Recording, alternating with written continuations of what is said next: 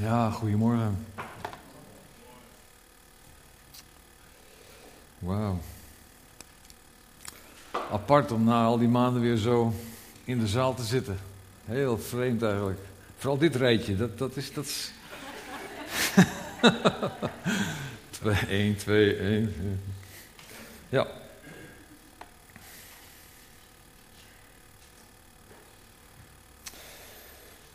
Ja, als je dan dat soort dingen leest. Oh, mijn Bijbel, wacht even.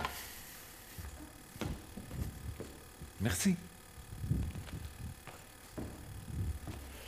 Als je dan zo'n zo'n lied zingt en je leest het mee, I am blessed. En uh, ja, dan komen al die dingen weer naar, naar voren toe. Dan, dan ervaar je inderdaad zo, ja, dan, dan, dan weet je, dan ken je die blijdschap. En dan wil je dat ook delen. En dan um, komen soms die bijzondere dingen naar voren toe. Gesprekken die je soms met mensen hebt. Hè, zoals mensen ook met mij vroeger gesprekken hebben gehad, waardoor ik hier nu sta. En mijn leven aan de Heer Jezus heb gegeven. En zo kun je soms een gesprek hebben met een collega. Fijne gesprekken. Je kunt het hebben over de Formule 1 die weer begonnen is. Je kunt het hebben over het langzaam opstarten van het voetbal. Allemaal van die, ja, van die pietpraatjes. Even lekker bij de koffie met je collega's. Tegenvallende resultaten van uh, Fortuna. Uh, je kunt het hebben over. Oh nee, die zijn niet begonnen geloof. Over politiek. Je kunt het ook hebben over geloof. En vooral dat laatste vind je natuurlijk belangrijk om met je collega te delen. En dan zegt hij, als ik nou meer over jouw God wil weten, moet ik dan met je mee naar de kerk? En dan zeg je, nou, weet je wat het is? Je hoeft niet met mij mee naar de kerk. Um, God heeft in de Bijbel al laten zien en opschrijven wie hij is en wat hij doet en wat hij wil. Dus als ik je nou voor deze week eens een Bijbel geef en je begint daarin te lezen, dan praten we daar volgende week eens over. Wow, ja prima. Goed. Ik heb je al vaak verteld dat God een liefhebbende God is en ontzettend gek op jou is. Ja, ik, ik ga het lezen. En een week later, een week waarin je veel voor hem gebeden hebt, uh, begin je dat gesprek. En je vraagt enthousiast: Heb je in de Bijbel gelezen? En uh, ben je God tegengekomen? Heb je een idee over, over wie hij is? En ja, heb je, is jouw idee over God ook veranderd misschien? Nou, zegt hij, Jij had het over een liefhebbende God. Maar na deze dagen heb ik eindelijk de, de juiste naam voor jouw God gevonden. Oh ja, ik enthousiast. Hmm. Nou, ik denk, zou hij hem, de naam misschien wel hemelse papa hebben gegeven? Of uh, de vredevorst, de vredebrenger? Kom op, zeg op. Wat is de naam die jij mijn God hebt gegeven? Dan is het even stil en dan zegt hij: Ik noem jouw God Rambo. Ik was met stomheid geslagen. Met stomheid geslagen. Ik wist niet of ik boos moest zijn of verdrietig. Rambo. Ik kende Rambo alleen van de spierbundel die altijd een granaatwerper op zijn schouder heeft, zeven automatische geweren op zijn, op zijn lijf draagt en ergens nog een groot kartelmes, altijd onder het bloed, helemaal onder het bloed. Nauwelijks in staat om, om te communiceren. Dit kon toch nooit op mijn liefdevolle God lijken? Jawel, zei hij, je zei me om de Bijbel te gaan lezen en daar las ik keer op keer. Ze moesten oorlog voeren. Ze moesten mensen afslachten. Mannen, vrouwen, zelfs kinderen. Daarna moesten ze de mensen laten leven, meenemen. Maar alle dieren moesten afgeslacht worden. Ik zie alleen maar bloed en afslachterij. En dan moeten al die dieren worden geslacht. En eh, terwijl hij nooit honger had en er ook maar één stukje van zou eten. Ik begrijp helemaal niks van. Voor mij is het Rambo. En trouwens, kom hier nog eventjes op terug, dat verhaal van die Adam en Eva in die tuin. Ze mochten niet van die boom eten.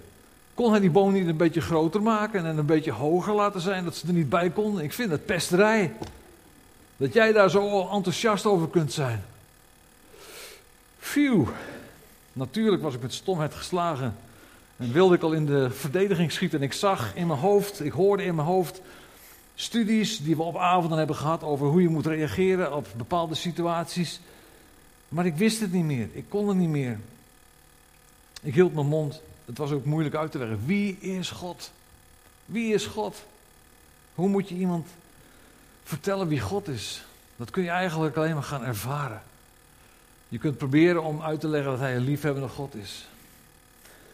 En dat hij het beste met me voor heeft. Hoe ik me ook voel en in wat voor situatie ik me ook bevind. God is goed voor mij. We hebben het net gezongen. Maar eigenlijk heeft iedereen wel een bepaald beeld van God. Als hij bestaat, dan is hij zo. Als hij niet bestaat, hij bestaat niet, nou ja, dan ben je er ook klaar mee.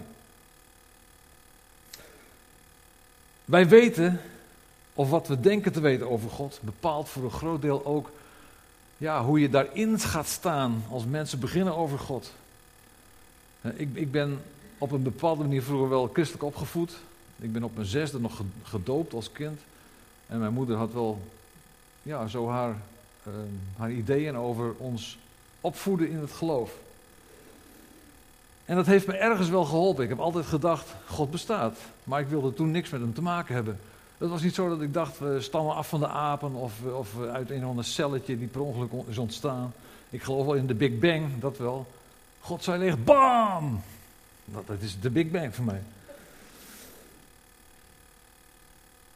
Hoe vaak hoor je mensen niet zeggen, nou, dat is dan hun idee over God. Nou, als die God voor jou bestaat, waarom? Kijk eens om je heen, wat een ellende. Daar is de oorlog net een beetje opgehouden, daar begint de oorlog weer. Daar is hongersnood. Als jouw God zo machtig is, waarom doet hij er niks aan? Zo staan mensen ook in het leven met hun gedachten over God. Of bij een uitvaart. Als er een God is, dan moet Pietje Zaliger nu wel echt in de hemel zijn. Want die heeft zoveel geweldige dingen gedaan altijd. Dat is ook een idee wat je over God kunt hebben. Als je maar genoeg doet, leuke dingen, fijne dingen doet, goede dingen doet, dan kom je wel in de hemel. Een tijd geleden ben ik eens aan het werk geweest met iemand. En we kregen een gesprek over geloof en over God. En ik was een idioot dat ik in zoiets geloofde, zei hij. Nee, er was beslist niks. En na de dood was het ook allemaal afgelopen. Maar ondertussen liep de beste man de hele dag te vloeken. En ik sprak hem daarop aan. Ik zei: Toch vreemd dat jij, die niet in God gelooft, de hele dag dingen tegen hem zegt en aan hem vraagt. En hij keek me aan en hij snapte er niks van. En ik vertelde dat hij de hele dag liep te roepen: God, verdoe mij.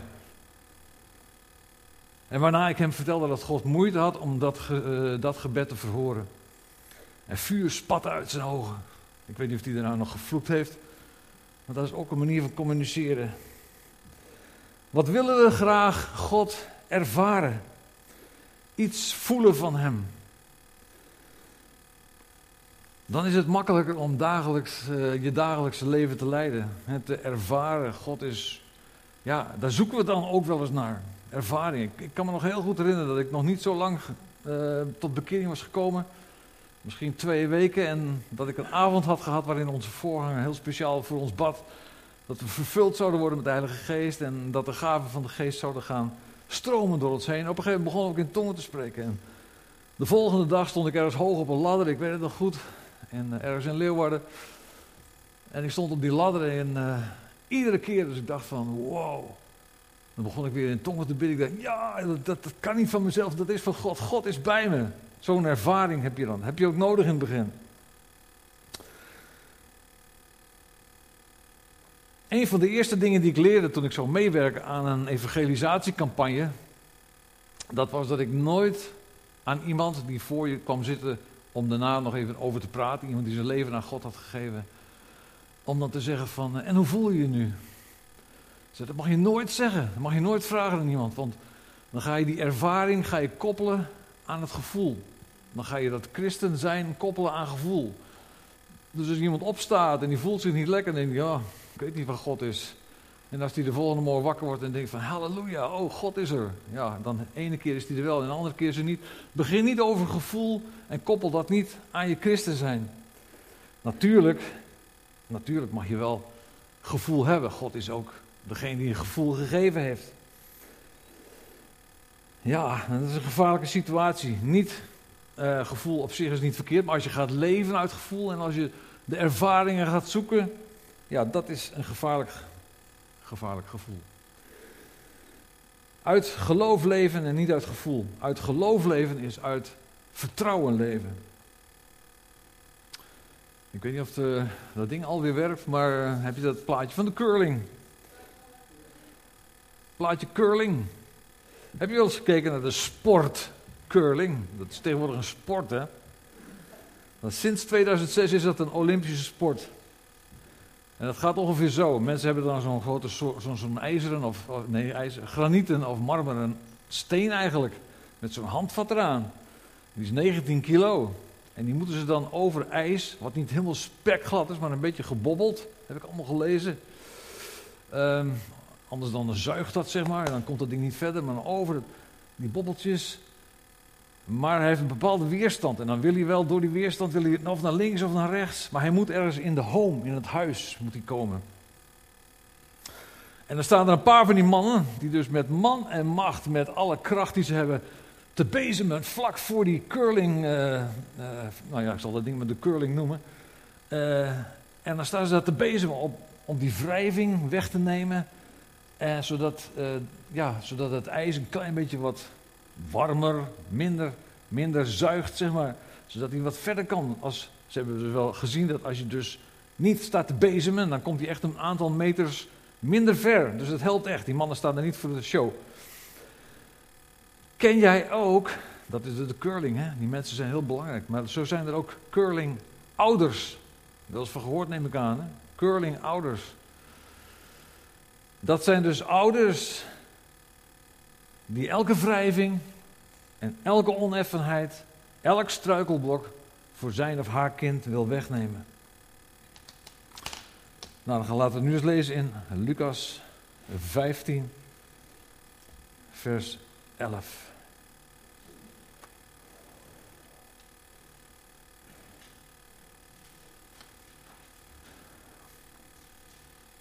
Een stukje.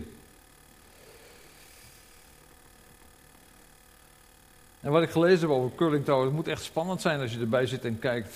Ik geloof het wel. Dat hetzelfde gevoel heb ik een beetje als ik Max Verstappen zie rijden. Dus één rondje is spannend en dan denk je van, hm, oké. En dan 56 rondjes verder en denk je van, joh, ze rijden er nog. Lucas 15, vanaf vers 11. Jezus zei, iemand had Twee zoons. Trouwens, er staat boven de gelijkenis van de verloren zoon, maar dat hebben de mensen boven gezet. Hè? Dat staat nergens. Iemand had twee zonen en de jongste van hen zeide tot zijn vader: Vader, geef mij het deel van ons vermogen dat mij toekomt. En hij verdeelde het bezit onder hen.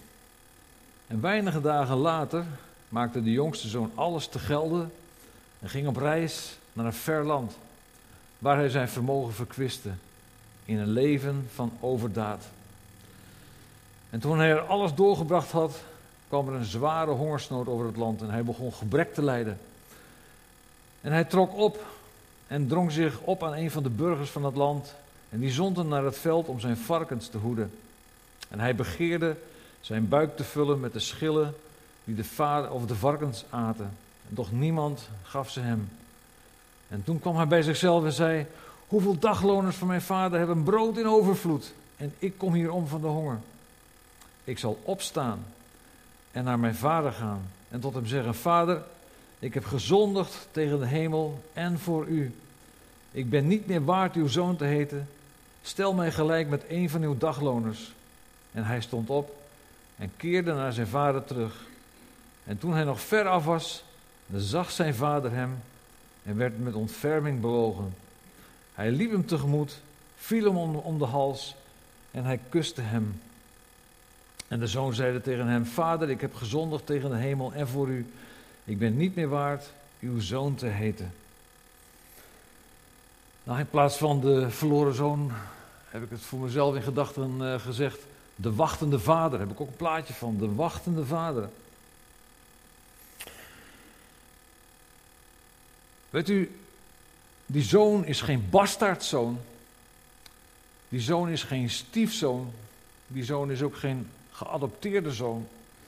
Maar het is een zoon van vlees en bloed, van zijn vlees en van zijn bloed. Een volwaardige zoon. En hij vraagt de vader om wat voor reden ook, om de erfenis. En dat was eigenlijk een erfenis die hij nauwelijks kon dragen. Uh, verstandelijk gezien, geestelijk gezien. Hij wist niet goed hoe hij daarmee om moest gaan. Hij kreeg ineens zoveel geld. Hij wist niet verstandig ermee om te gaan. Het was hem te zwaar. Hij kon het nog niet dragen, maar met dat bezit ging hij de wereld in. Maar de vader, er staat niet zoveel over of ze nog erover gesproken hebben. De vader verdraagt de onverstandige beslissing van zijn zoon. En hij is het niet, niet eens met hem. En toch laat hij hem zijn eigen weg gaan. Het is een hele pijnlijke beslissing. De vader weet dat de jongen dan alleen dat kan leren wat hij moet leren. Door de ellende heen. Ik denk wel eens aan de mensen die de afgelopen jaren wel eens tegen ons gezegd hebben. Soms wou ik ook wel dat ik vanuit die ruige wereld tot bekering was gekomen. Alsof je ervaring dan sterker of krachtiger, of je geloof krachtiger zou zijn. Nou, vergeet het maar, want de Bijbel zegt zelf, de Heer, of eh, de Heer God heeft zelf gezegd, ehm, het is beter om zo vroeg mogelijk Hem te gaan dienen. Weet je, als je uit de wereld tot bekering komt, dan draag je de ballast van je leven voor die tijd met je mee. En als je vanuit een christelijk gezin altijd ja, met God bezig bent geweest, dan zijn daar net zo goed op het moment dat jij je leven aan, aan de Heer Jezus toevertrouwt. Alle gaven, alle talenten, de zalving, de vervulling. God zegt in zichzelf in Deuteronomium 7, vers 6. Uh, leer het aan je kinderen. Praat er met hen over als je thuis bent of onderweg. Als je opstaat en naar bed gaat. Bind het als een teken om je pols en als een herinnering op je voorhoofd. Deze vader moest hem laten gaan. Deze vader wist dat hij alleen datgene zou kunnen leren wat hij moest leren. Want ondertussen is de zoon, ik heb hem maar Guus, uh, Guus genoemd, naar het liedje Guus, kom naar huis. Dat was toch het, de strekking van, het, van, van de gelijkenis. Guus, hij was al flink ondergedoken in de onbekende wereld. Het is een wereld die zo ver van hem afstaat, maar ook heel snel wendt. Ik heb geen idee of Guus nog teruggedacht heeft op het moment dat hij in een café zat en een beetje zwaaide met een biljet. En direct daar weer nieuwe vrienden aankwamen. Guus voor en Guus na. Guus is de man. Terwijl Guus zich probeert thuis te voelen in zijn nieuwe wereld, zijn de gedachten van de vader ieder moment bij Guus. Natuurlijk. Hij was zijn vlees en bloed. Hij had, hij had plannen met Guus. Hij wilde niet alleen maar dat hij voor hem zou werken, maar hij had plannen met Guus. Hij moet hem wel losla loslaten tot de jongen begrijpt wat het betekent om een zoon van de vader te zijn. Tuurlijk, vader had zo kunnen ingrijpen. Vader had kunnen zeggen: Knechten, gaan jullie naar die en die stad en zoek hem. Zoek Guus, neem hem mee terug. Of naar de oudste zoon, jong. Neem je verantwoordelijkheid, ook voor je jongste broer. Ga erheen, neem hem mee terug en uh, breng hem weer thuis. Zeker had hij kunnen ingrijpen. Zoals onze hemelse vader ook in onze situatie kan ingrijpen. Denk maar aan Job. Tot zover Satan en niet verder. Zijn leven zul je niet grijpen, want Job is voor mij. Maar vader staat iedere dag te kijken met een brandend hart. Zijn verlangen, die dwingt hem iedere ochtend op te staan en weer buiten te gaan kijken. Komt hij al? Hij tuurt de weg af. Maar de vader dwingt niet, omdat hij weet dat de keuze door die jongen zelf gemaakt wordt. Dan wordt hij standvastig en volwassen gemaakt in de keuzes die hij maakt. Oh, de vader wist goed genoeg dat de zoon het geld waarschijnlijk er zo doorheen zou brassen. Opfeesten. In minder dan geen tijd. Maar als hij zijn zoon met strenge hand zou thuishouden, de leiband strakker zou aantrekken, dan zou hij zijn hart verliezen. Dan zou er iets gebeuren in het hart van die jongen. De overjarige puber had namelijk geen alternatief. Zijn vader kon hem dwingen thuis te blijven werken, maar deze zou dat doen met een lang gezicht. De zoon heeft alles. Of mijn broer heeft alles, de oudste zoon. En ik, ik, wat is er nou voor mij en wat voor rol heb ik hier? Hij zou rebelleren van binnen. Hij zou zich als een gevangene voelen die alleen maar zou dromen van ontsnapping uit die saaie wereld, uit het saaie leven wat hij had. En de vader wou niet zijn lichaam, maar hij wou zijn hart. De vader wou niet zijn arbeid, maar hij wou de relatie. De vader wil niet zijn gehoorzaamheid, maar hij wil zijn liefde. En daarom moest hij, pijnig en pijn wat het kostte, de jongen loslaten en hem laten gaan. De zoon voelt dus die liefde en die aandacht van de vader als een dwangbuis. Hij verlangt naar vrijheid. Hij wist toch hoe het leven in elkaar zat. Hij zou ze wel redden. Ik spreek vanmorgen ook uit ervaring. Ik ben daarin ook ervaringsdeskundige. Omdat ik ook dacht dat ik wist hoe het allemaal in elkaar zat. Gods gedachten, Gods hart kennen. Ik wist wel hoe het allemaal in elkaar zat. Als ik dit deed, zou God dat zeggen. En als ik daarvoor bad, zou hij dit doen. God kennen als je eigen broekzak. Ongelooflijk dat je dat kunt denken. Denken dat je weet hoe hij zal reageren. En toch, op, tot zekere hoogte had ik dat idee werkelijk. En als het dan niet gaat zoals jij wil, dan kun je boos en opstandig worden. Of ongeïnteresseerd reageren als het allemaal te lang duurt. Als de zoon een knecht wordt. Als de zoon een knecht wordt. De afgelopen coronamaanden hebben mij geen goed gedaan. Geen goed gedaan in mijn geestelijke leven. Ik heb wel vaker gezegd, nou eigenlijk mis ik de diensten niet zo. het zondag samen zijn wel de, het samen aanbidden en samen muziek maken, dat is geweldig. Samen jullie ook samen zingen. Maar gewoon de diensten op zich, ja, thuis kon het ook allemaal. En ook het, het gemis van de huiskring. Ik heb ook vaak gedacht van, nou ja, het is ook wel eens even lekker niet, eh, wat niet te doen. En toch heb ik ontdekt, het heeft me geen goed gedaan in mijn geestelijke leven.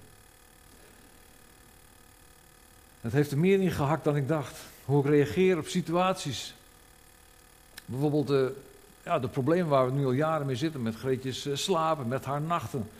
Maar ook de lichamelijke klachten, jaar in jaar uit. En iedere ochtend zegen ik haar, spreek genezing over haar uit. En geloven we samen dat God het doet. Maar het werkt niet, denk ik dan. Soms dan komt ze er wel goed uit, of meestal wel weer.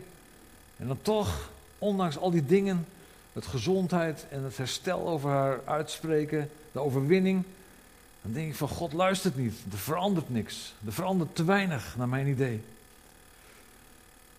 Daarom, ik, ik, ja, God is geen curling God.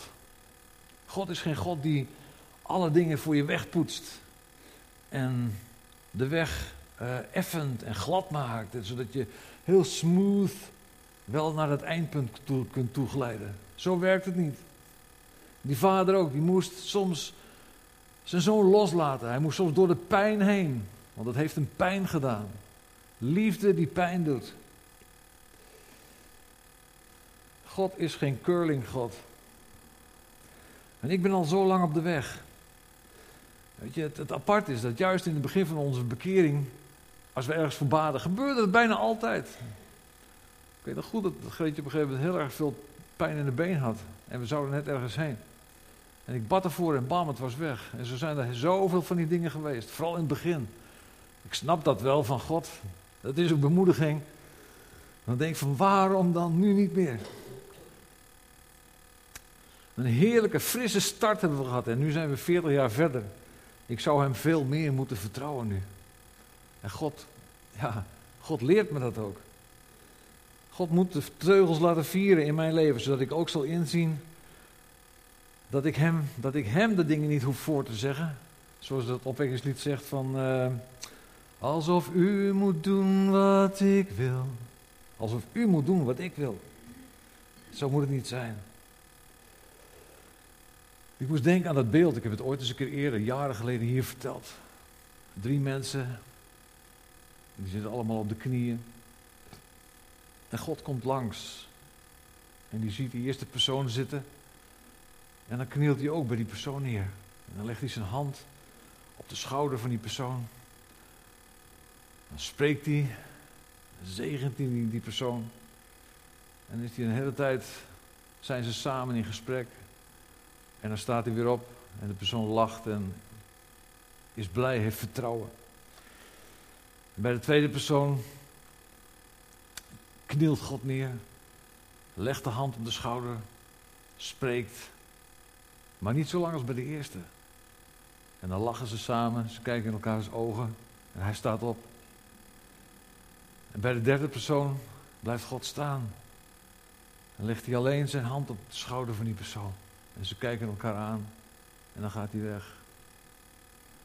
De eerste persoon had het zo nodig.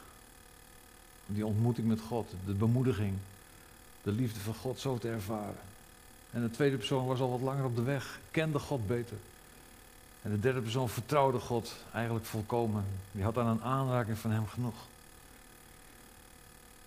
Het is niet zo dat je nooit iets van je gevoelens of teleurstelling mag uitspreken. Nee, zeker niet. God heeft dat ook gegeven. Gevoelens. Ik denk vaak aan uh, David die in Psalm 13 uitroept. Hoe lang, o Heer, zult u mij voortdurend vergeten? Hoe lang, Heer, zult u mij voortdurend vergeten? En dan noemt hij in die psalm 13 van allerlei dingen op. Maar aan het eind van die psalm zegt, hij, zegt hij, maar echter, ik blijf vertrouwen op uw goede tierenheid. Wat mij ook gebeurt, wat er ook is. Ik blijf vertrouwen op uw goede tierenheid. Ik zou het anders willen. Ik zou het heel graag anders willen. God, ik zie het nog niet gebeuren. En hoe lang vergeet u mij? Maar uiteindelijk, uw goede tierenheid. Daar wil ik op vertrouwen. U laat me niet los, u houdt me vast.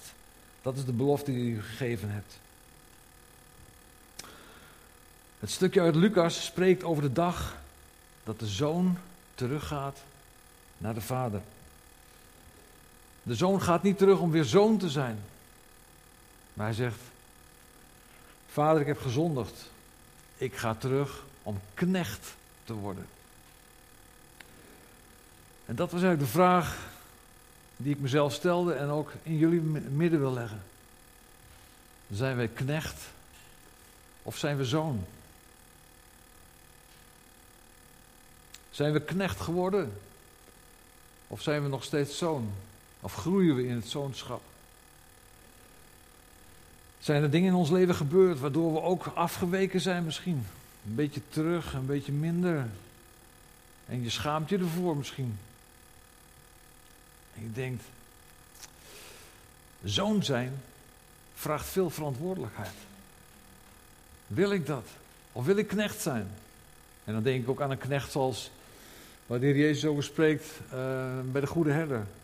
De huurling, die koos eieren voor zijn geld. Die smeerde hem. Die dacht, ik neem geen verantwoording. Ik, ik, ik laat die, uh, die roofbeesten niet op, op, op mij afkomen. Ik ga er zelf vandoor. Dan, dan ben je een, een knecht. Dan neem je geen verantwoording en dan, ja, dan, dan, dan piep je er tussenuit als het moeilijk wordt. Waarom wilde de zoon terugkomen als knecht?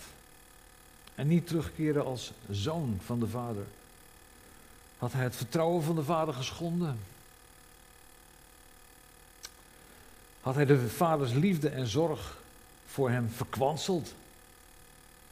Had hij alle mooie toekomstplannen die een ouder kan hebben voor zijn kind in duigen laten vallen? Hij wilde en hij kon niet terugkeren als een gelijke. Als een gelijke van de vader, als een gelijke van zijn broer. Hij kon niet terugkeren als lid van het gezin. Niet na alle pijn die hij veroorzaakt had. Zoveel schaamte. Hij zag nog maar één uitweg. Ik ga terug en ik word knecht. Dan ben ik er wel, maar ik ben er ook niet. Was hij beter af als knecht? Als hij als knecht aangenomen zou worden, had hij bevelen moeten gehoorzamen. Niet uit liefde, maar als ondergeschikte. Maar de vader, de vader heeft hele andere plannen. Dan zegt hij in Lucas 2, 15, vers 22: Breng het beste kleed wat er is. De zoon had voor hem gestaan. Vader, ik heb gezondigd, maak mij nu een knecht. Nee, zegt de vader, niks ervan. Je bent mijn zoon en je blijft mijn zoon. Jongens, breng het beste kleed. Doe een ring aan zijn vinger en geef hem sandalen. De zwerfzoon werd geen knecht, maar hij werd hersteld als volwaardige zoon. Het beste kleed in huis, dat was waarschijnlijk een kleed van de vader zelf. En dat laat zien dat hij bekleed wordt met dezelfde heerlijkheid als de Vader. Hij straalde weer, hij had weer die, die heerlijkheid als de Vader. En de ring getuigt van autoriteit en van macht, van gezag. Want met die ring konden ze een, een zegel drukken. Met die ring, die ring gaf autoriteit. Zo van, dit is voor mij, dit is voor onze familie. En ik doe het iets afspreken met gezag. En de sandalen laten zien dat het afgelopen is om je voeten te laten verontreinigen door in de wereld te wandelen. Ja, de vraag blijft een beetje hangen. Ben ik knecht of ben ik zoon? Wil ik knecht zijn? Of wil ik groeien in het zoonschap? Efeze 1, vers 5 zegt: En in liefde heeft Hij ons tevoren ertoe geroepen, bestemd te worden als zonen van Hem. Bestemd als zonen van Hem te worden aangenomen door Jezus Christus naar het welbehagen van Zijn wil. Dat is wat God wil. Dat is wat de Vader wil. Dat we groeien in het zoonschap. Dat we groeien in het,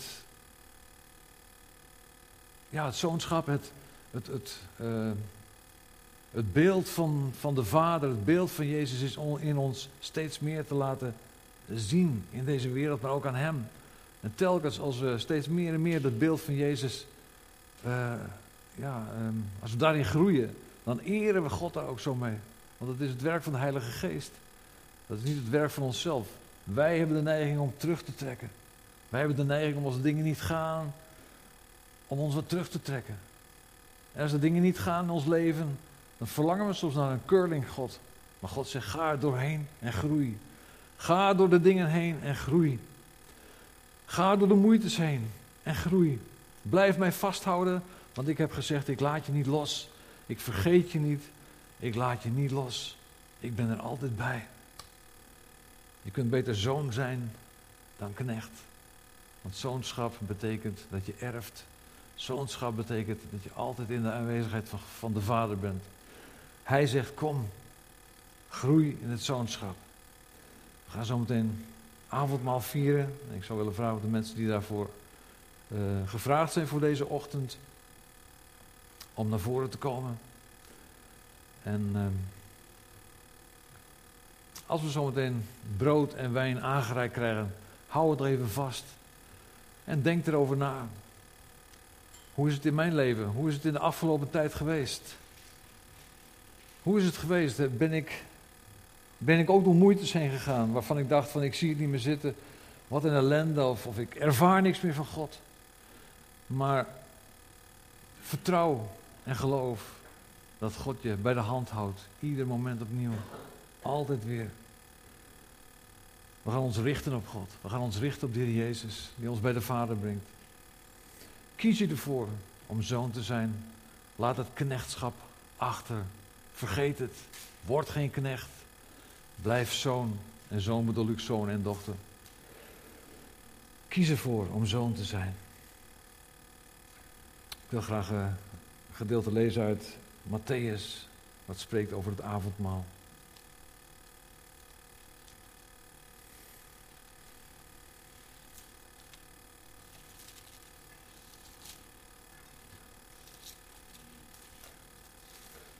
De schalen zullen zo meteen rondgaan.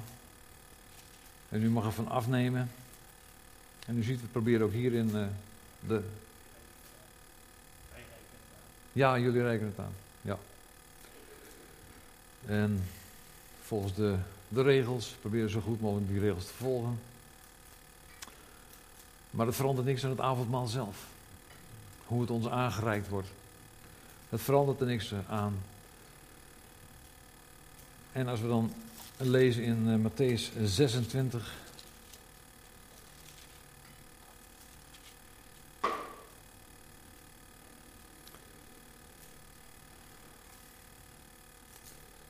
Dan staat er in vers 26 de instelling van het avondmaal.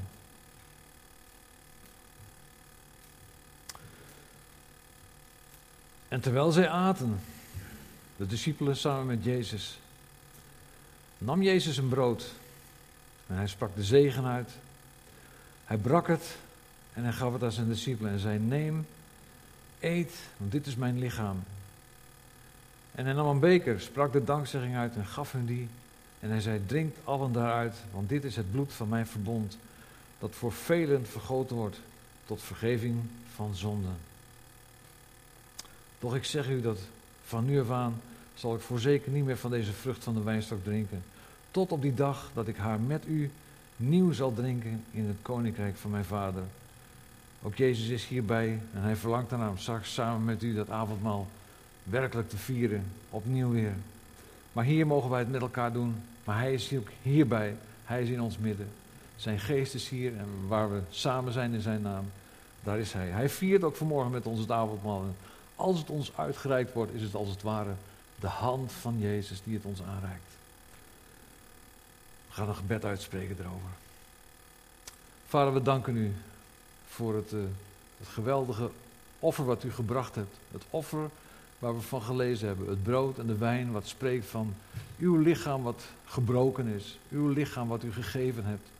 Uw lichaam wat gepijnigd is en geslagen is en gebloed heeft. Ook voor ons, Heer. Voor ons. En we mogen er deel aan hebben. Deel aan het avondmaal. En telkens als we het doen, zegt een ander Bijbelgedeelte, dan herdenken we en gedenken we Jezus. De dood van Jezus, maar ook zijn opstanding, zijn heerlijkheid. En dat Hij ons is voorgegaan naar de Vader. Vader, we zegenen nu deze, deze, dit avondmaal en deze maaltijd in de naam van Jezus. Amen.